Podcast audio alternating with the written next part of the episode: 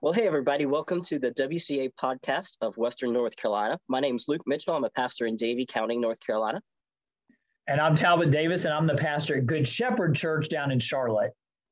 And we are joined today by Eric Huffman. He is the pastor at the Story Church in Houston and the host of Maybe God podcast and recent author of a book.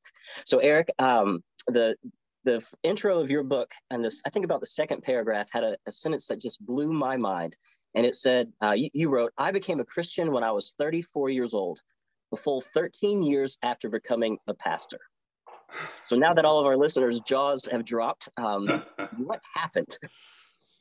Um, good question. I, I first of all, I would say I think people's jaws would drop even more if they realized how common a thing this is. Um, and I think it really comes down to how we define a Christian. And if I look at scripture, for example, for a definition of a Christian, there's there's some difference and, and disparity in what you might find here or there. But altogether, it would look like the big picture of a, a definition for a Christian would be something like uh, believing that Jesus rose from the dead, um, putting your faith in the resurrection of Jesus, and choosing to follow him as the Lord of your life. And I can look back at that time uh, when I became a pastor, uh, up until the time I became a Christian, 13 plus years later, and say definitively that that Jesus was not the Lord of my life. I didn't call him that. I didn't want him to be that. Um, it wasn't like I was being duplicitous and saying, you know, yeah, I believe everything the Bible says, but deep down, I'm really not a Christian. I I didn't say I believe everything the Bible said. I just took what I wanted from the Bible uh, to meet my own sort of needs at the time, to to my own political ends, really. Um, and I was the Lord of my life. And the worldview I built my life around was not gospel centered. It was it was political. So it's more common than anyone would even care to imagine. Uh, I think in mainline denominations, especially like the United Methodist Church, but that's definitely my my story. And so, what sort of uh, pastoral fruit, if any, did you bear in those 13 years? Oh, you know, I'd say there was a lot of good works. It's a lot of good intentions.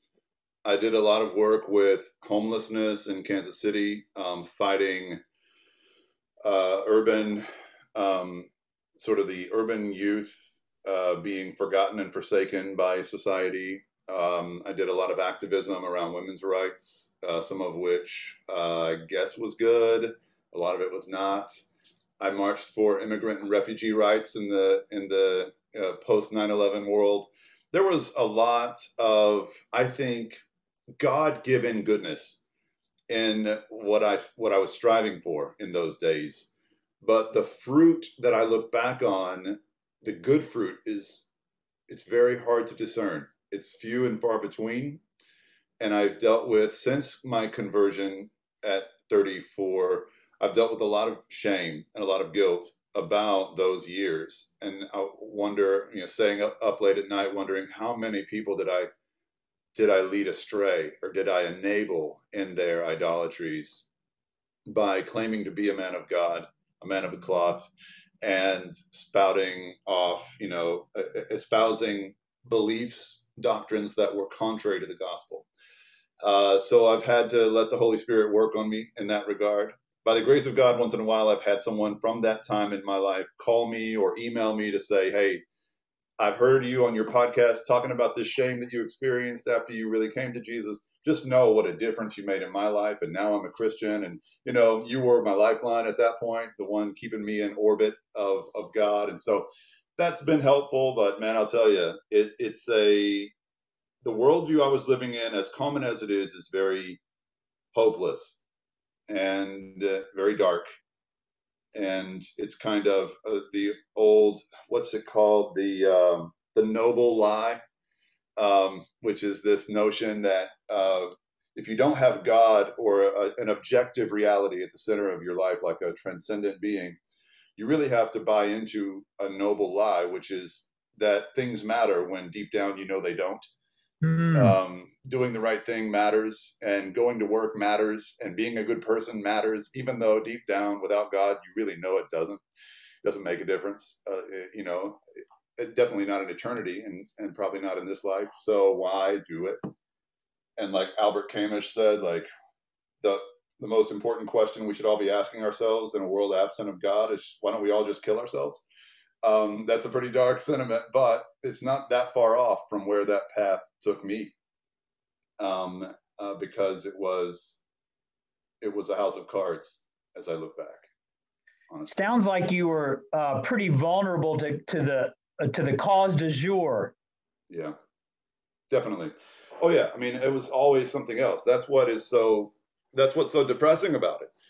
That there's even if you have a good day fighting whatever cause you're fighting, the next day there's a cause that's even worse that you were on the wrong side of yesterday and you've got to make amends for that and now you got to fight for this and then the next day is something else and the next day is something else it just you know in, in hebrews how how the writer of hebrews is talking about the sacrifices time after time after time after time it just never ends it never stops this exhausting cycle but jesus was once and for all the sacrifice yeah. we needed um, imagine a world where you've got a different life or death cause, justice cause that you have to you have to do something about today, or you fail the test. And uh, and there's no Sabbath, there's no breaks, there's no grace. You know, it's all up to you. Like that's the world I was in, and that's the world a lot of I think young Americans are in right now. Mm. Mm-hmm. Yeah. So your life changed, Eric, when you came across some ancient graffiti. How did graffiti lead you to change your worldview? Ah, uh, yeah. So it was a trip to the Holy Land that was organized by, um, I was actually paid for by a woman who I was associated with in Kansas City, a social justice warrior like me, who wanted me to go see the atrocities in the Holy Land being committed against the Palestinian people by the Zionists. And so she paid for me to go. She and a couple of others paid for me to go to the Holy Land, and I went. And I was tasked with basically coming up with a presentation that I would give when I came back to Kansas City about the Palestinian plight. And I did see that, by the way, like that was confirmed. I mean, I, that is a horrible, horrible situation. But the prevailing um, experience that I came back with, the transformative moment I came back with, wasn't anything political or socio-political on the ground in 2013, which is the year that we're talking about. It was an experience that I had uh, in Capernaum, where you know, in addition to seeing the the Palestinian encampments, the refugee camps, and things like that, they would take us to the touristy spots and.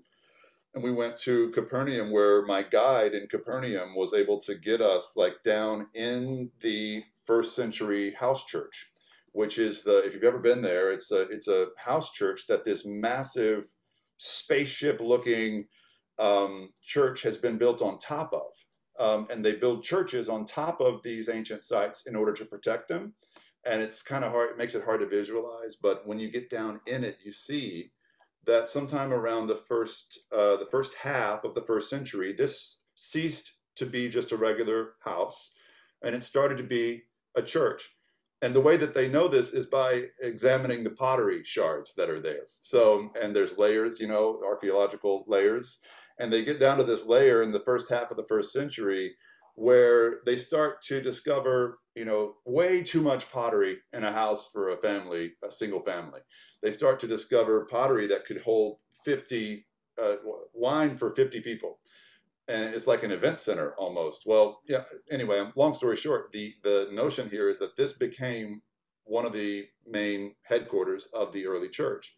It's also believed by many to have been the house of Peter's mother-in-law, which appears throughout the Gospels, and and probably a house where Jesus crashed a lot of the time. So.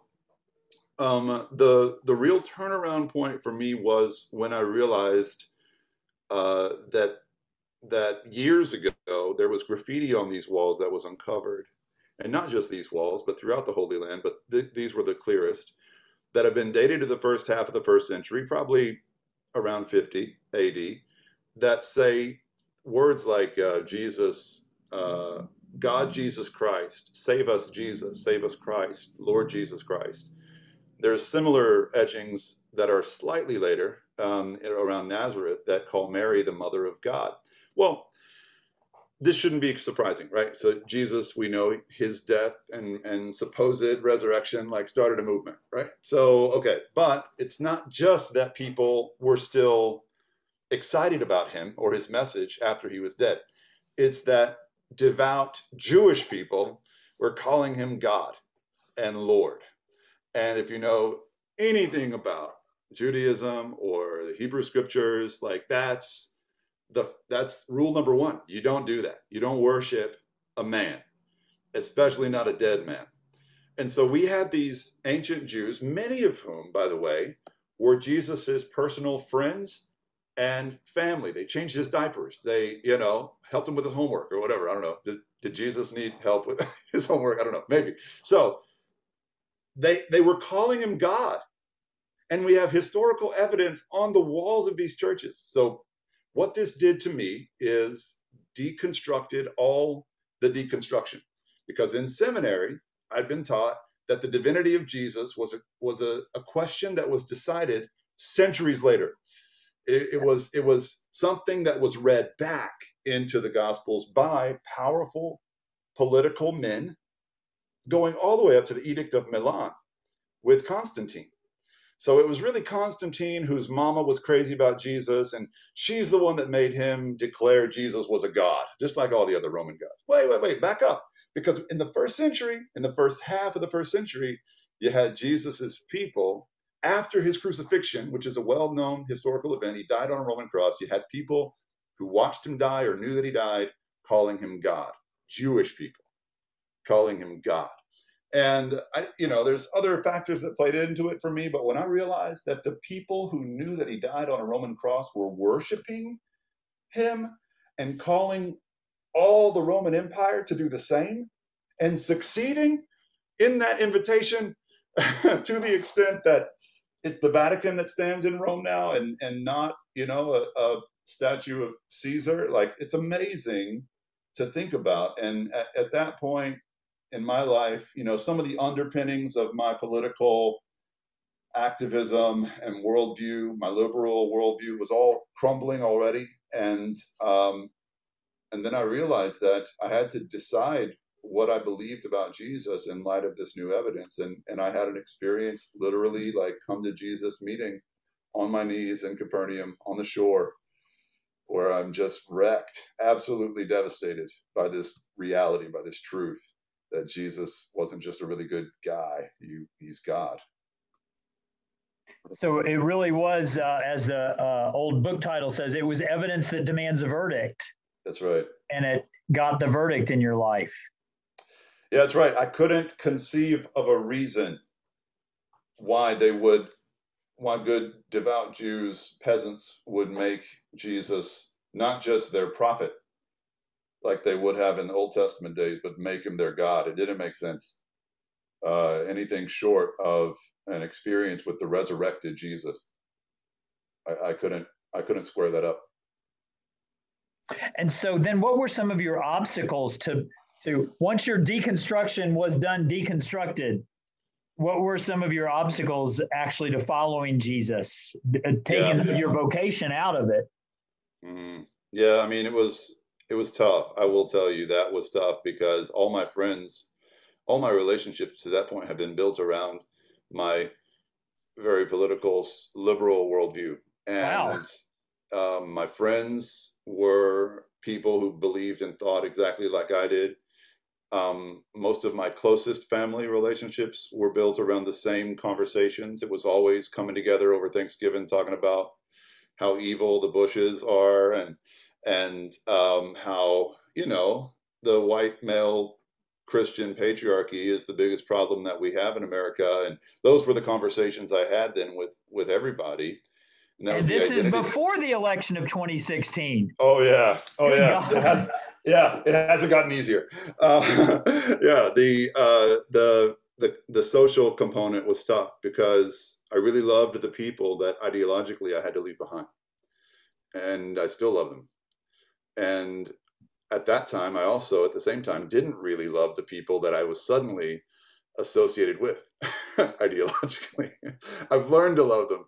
Uh, I had to get to know them because I had developed a caricature of the the white um, evangelical Christian in America. That wasn't true, and that was interesting. So I came back and went to a, uh, the first Christian conference that I attended after that trip was actually a seedbed conference, and this was in 2014, the year after I converted. And at this seedbed conference, there was a breakout session on homosexuality.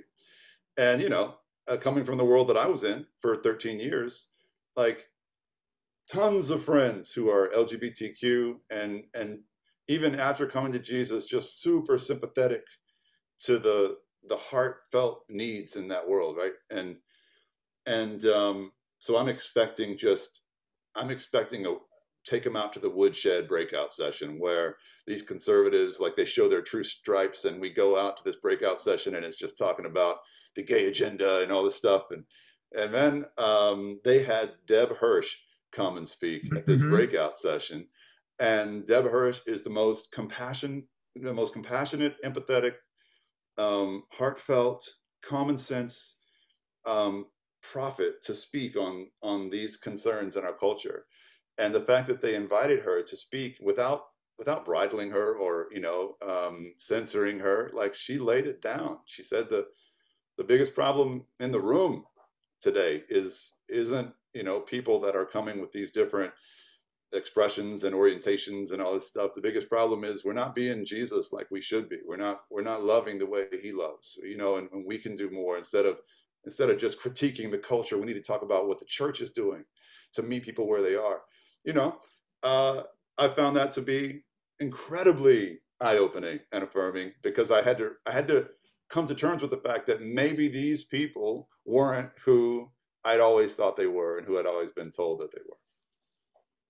So Luke, he's actually he's talking about you, and we're we're like his his new bros now. We didn't used to be, and and now we are. We get the benefit of it. Uh, That's right. Luke, what a great, or Eric, what a great story. And thank you for sharing that with us. If I might change gears a little bit, because your yep. book, uh, Scripture and the Skeptic, is fabulous.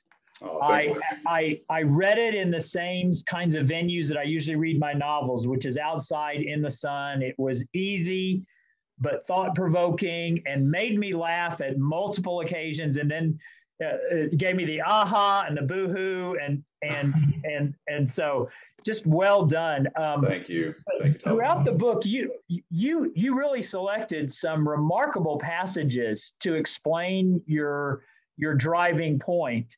And um, how did you choose the passages that you chose? And were they the yeah? How did you choose the passages you chose? Yeah. So I, you know, I'm sorry, I shook my computer here. I'll start over. So I was writing to skeptics and writing to people who love skeptics. So I was trying to, in some way or another, get the attention of people who aren't aren't all in with the Bible yet. And I felt like to do that, I it, it wasn't going to take unpacking the pretty parts of Scripture because even skeptics and and and non-believers appreciate the 23rd Psalm. Like even you know, I was uh, I was reading this other book the other day about Kavanaugh's, um, uh, you know, hearings, and during Kavanaugh's hearings, it was really a book about modern day witchcraft. Okay, so I'm a little weird about stuff I'm reading about, but it was talking about witches' covens who were coming together to, um, you know, make incantations against Kavanaugh and against the hearings, and so that he would be found guilty or, or denied his seat. And in their in, in this particular coven, they're in there quoting the Psalms. like these are a bunch of self-professed witches that are coming together, you know, that generally hate Christians and the Bible, but they're coming together and quoting Psalms. So that told me that there's a lot of people who would never identify as Christian, but they're still okay with the stuff in the Bible that they're okay with. And so I had to I had to go the extra mile and, and, figure out how to explain or unpack the parts of the Bible that they would not be okay with. So there's a whole chapter about Leviticus, for example, and how how Leviticus is totally not what you probably think it is. If you think it's some kind of antiquated, you know, backwater um, legal code, and that's all it is. You're missing the point, and you're missing something really beautiful, by the way, something that you, if you're, I'm speaking mostly to like social justice or your liberals, like go read about Jubilee and you know find yourself in the story because you're missing something um, profound something that predates you by about 3000 plus years that um, is way ahead of you. But uh, obviously uh, if you're discounting leviticus entirely you're going to miss the beauty of it. So i did talk about i found myself talbot talking about stories of women in the bible. Half the book is about women in the bible i didn't mean for that to happen but I was just looking for the stumbling blocks on the on ramps. You know, um, I wanted to give people a way to understand the the dismemberment of the uh, of the concubine in Judges 19, yeah. which is probably the most horrific story in Scripture. But but it's there for a reason. That's the point of the book, really, is that everything in the Bible is there for a reason. So let's dispense with this three buckets nonsense and stop trying to decide what part is worthy to be my Bible and what part isn't and ask ourselves better questions like why would God allow for a, a, horrific story like that to to remain in the canon? And there are some really profound answers that transcend anyone's narrow politics, you know, whether you're right or left. And you know, if it's the truth, it's the truth, and and I believe that it is. And so I felt like I had to to really go after those those difficult stories and passages in in the scriptures one of the things that I love to tell the people at Good Shepherd, especially about those psalms that that uh, well, where are you, Lord? Why have you turned your back on us, Lord? And because uh, we we hold up the Bible every Sunday as part of what we do, and we we talk about it as inspired and eternal and true. And what does it tell us about God that He inspired passages that question His own job performance? That's right. Which means we have an emotionally secure God, and that's a God that I can get behind instead Amen. of a God of the sanitized Bible. I, I, think I, I mentioned that the only unbelievable Bible is the sanitized one. That's and right. The most believable one is the one we got. Well, that's right, and that's interesting that you say that. And that's one thing that I mentioned in the chapter about race and racism is, you know, this idea that the Bible is a pro-slavery document, yeah. which is so common on the left um, and among detractors of Scripture, that the Bible condones slavery, it's pro-slavery, and the question that one guy I interviewed, Esau McCaulley from Wheaton, the question he would ask in response is, then why did slaveholders have to take out up to 60% of the Bible before giving it to their slaves? Like there is there was such a thing as the slave Bible, and they had to remove most of the actual scriptures before they gave it to their slaves, lest their slaves read what's really in there and know that God made them to be free. Mm. And so um, these these tropes that we hear in culture are so commonly and and so oft repeated that that they're not questioned anymore. They're just accepted as true. The Bible's yeah. a pro-slavery document. Oh, okay. Well, what are we going to do about that? Well, let's have yeah. a third bucket where we throw all that stuff out. No, eh, like that's not the answer. The answer is actually read the Bible and and and understand that the the idea that the Bible's pro-slavery somehow is just a useless meme. Like the truth of the matter is that the thrust of Scripture is clearly toward, from start to finish, toward the liberation of captives and freedom for the oppressed. And period. Like there's no question. There can be no question about that. And anytime there are instances of things that are evil in the Bible, it is merely to reflect reality, not the will of God. And so I just think it's really important that people know that rather than um, get away with saying or believing things that are overly simplistic. And yep. So, what was that? Somebody's got a lawnmower outside of them, I think. All right.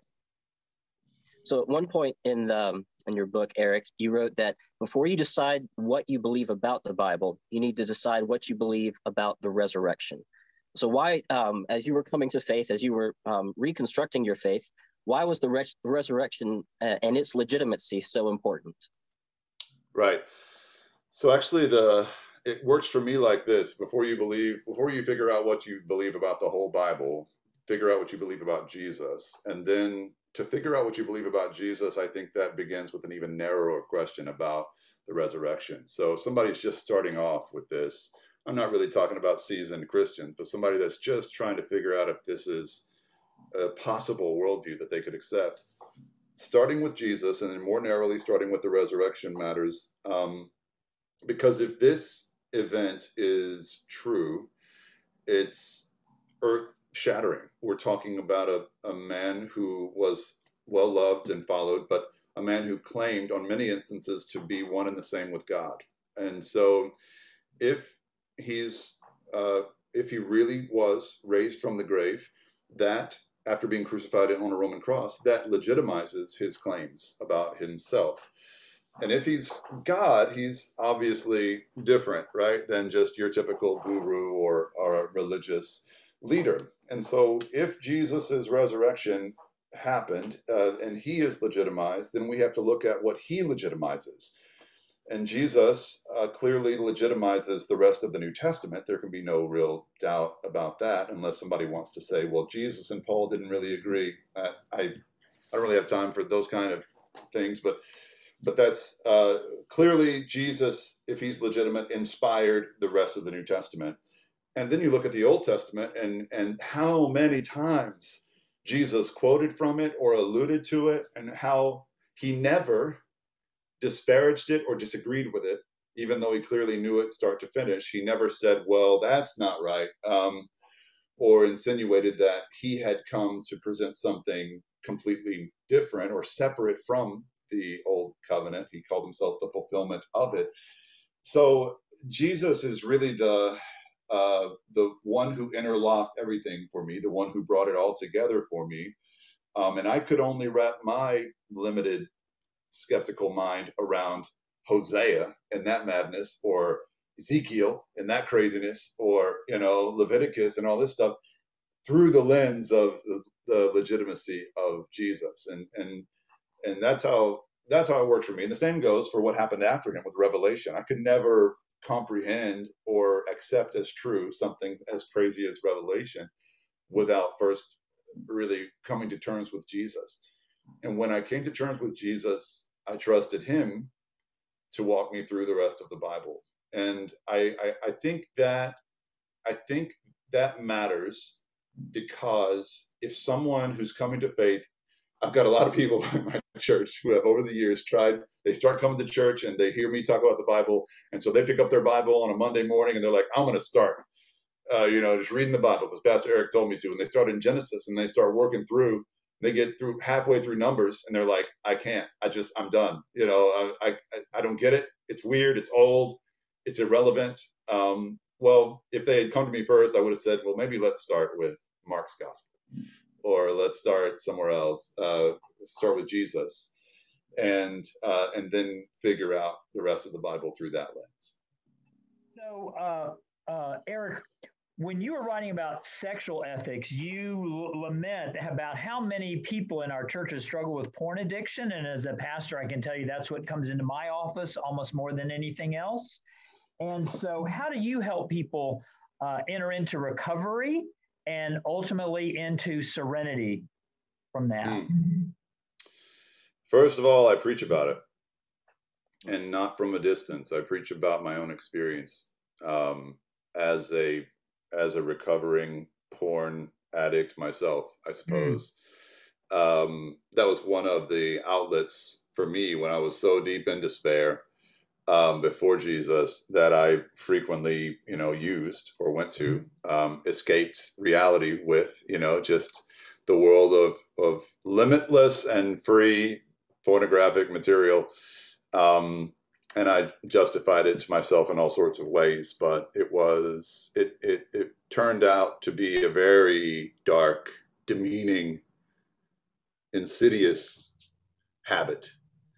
And uh, it was at times very hellacious to live in that and locked in that pattern. Not just because of my own you know i'd waste time with it or i would uh, it would mess with my marriage or whatever but just because of how desensitized you get mm-hmm. to to real humanity and um, how you don't realize using pornography is uh, akin to trafficking a human. Like it's not it's not that far fetched to say uh, pornography abuse or use is the same as supporting the human trafficking network. Um, yeah. And so I, I, preach about it. I was my one of my first big uh, sermon series was about about that, and and uh, I came out to my congregation the first year as a as a recovering porn addict and asked for their support in that. And then people just started coming out of the woodwork. And I had people, young men,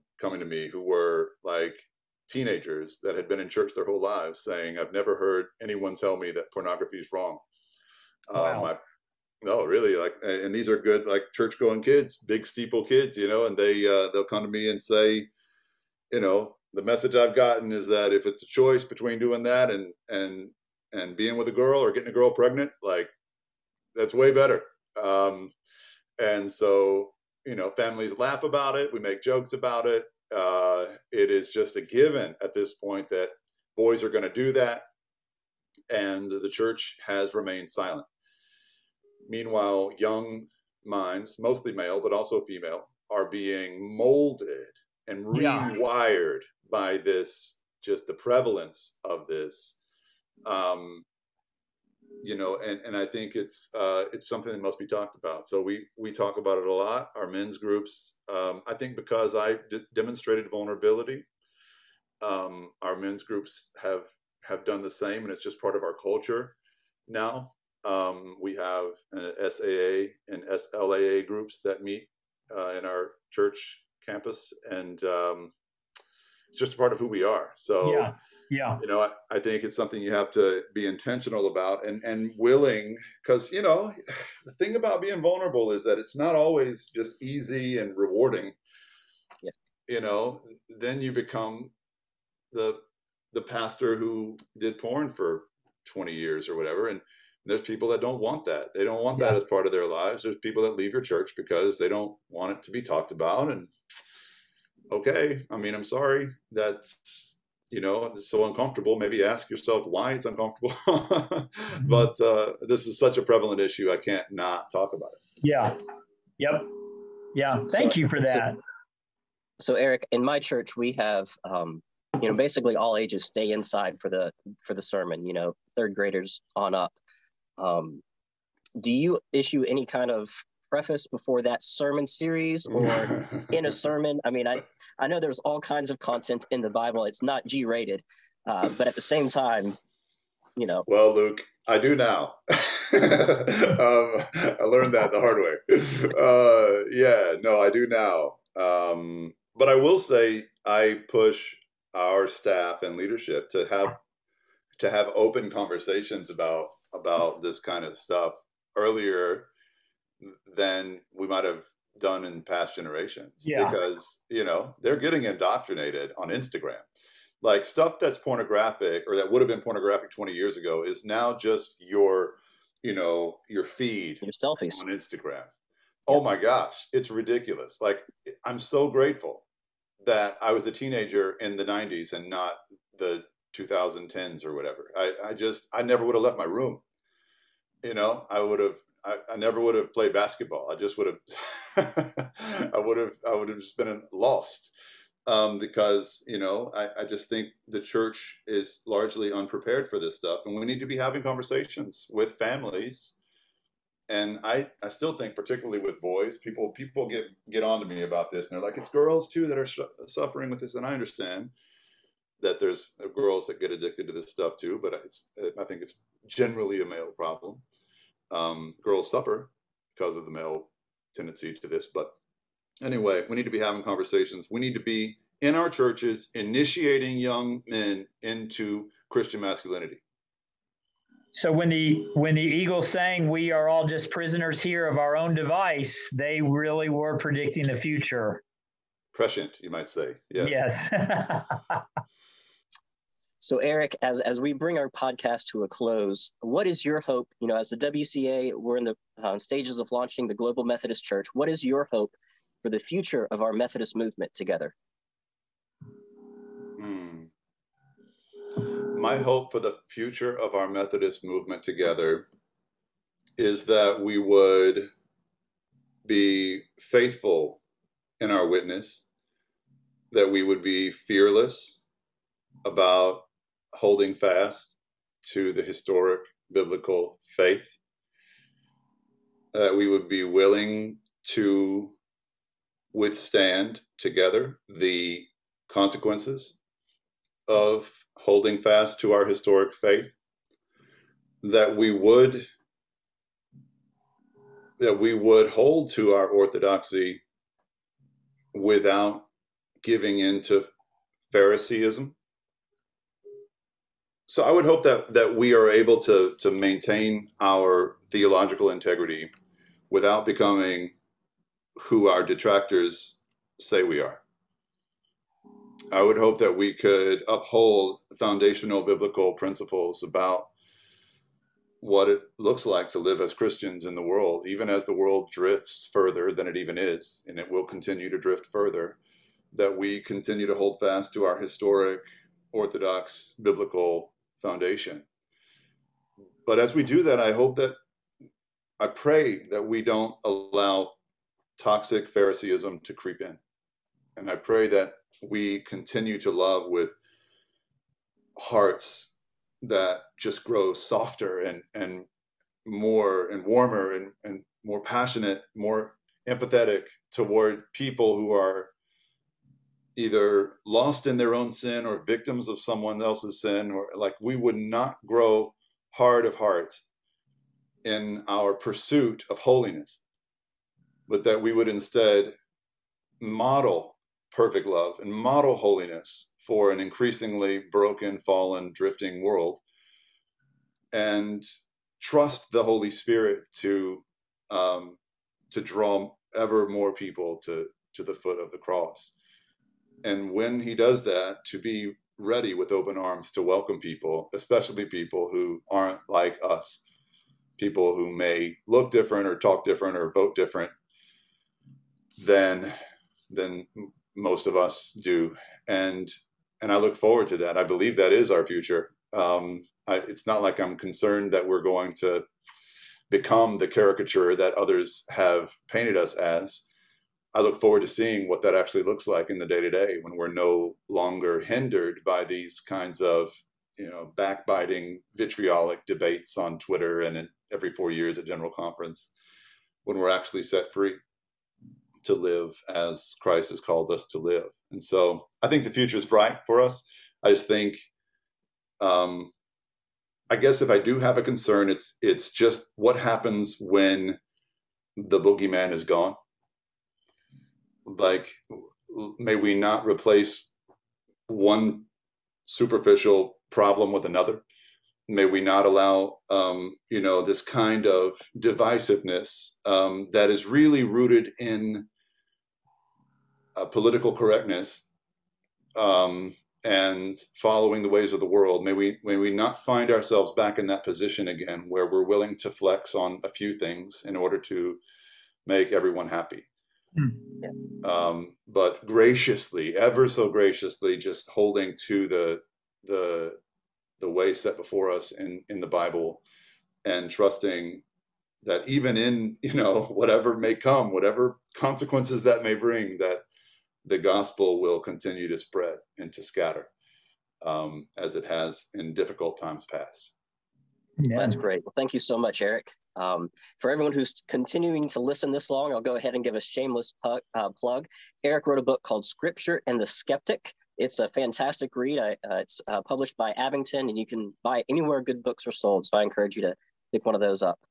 Uh, Talbot, would you close us in a word of prayer? I will. I'll pray a lot of people buy the book and uh, for God's Amen. blessings on the churches that we represent. So, Lord, we do thank you for uh, what Scripture and the skeptic can do in congregations all across our land, and ask that you would favor Eric and favor the readers and the churches with its content, and that you would help shape minds young and old with the wild and woolly truths of your word, and uh, bless all those who have tuned in today and and whose hearts really are strangely warmed by how good it is to be loved by you. I pray all these things in your name. Amen.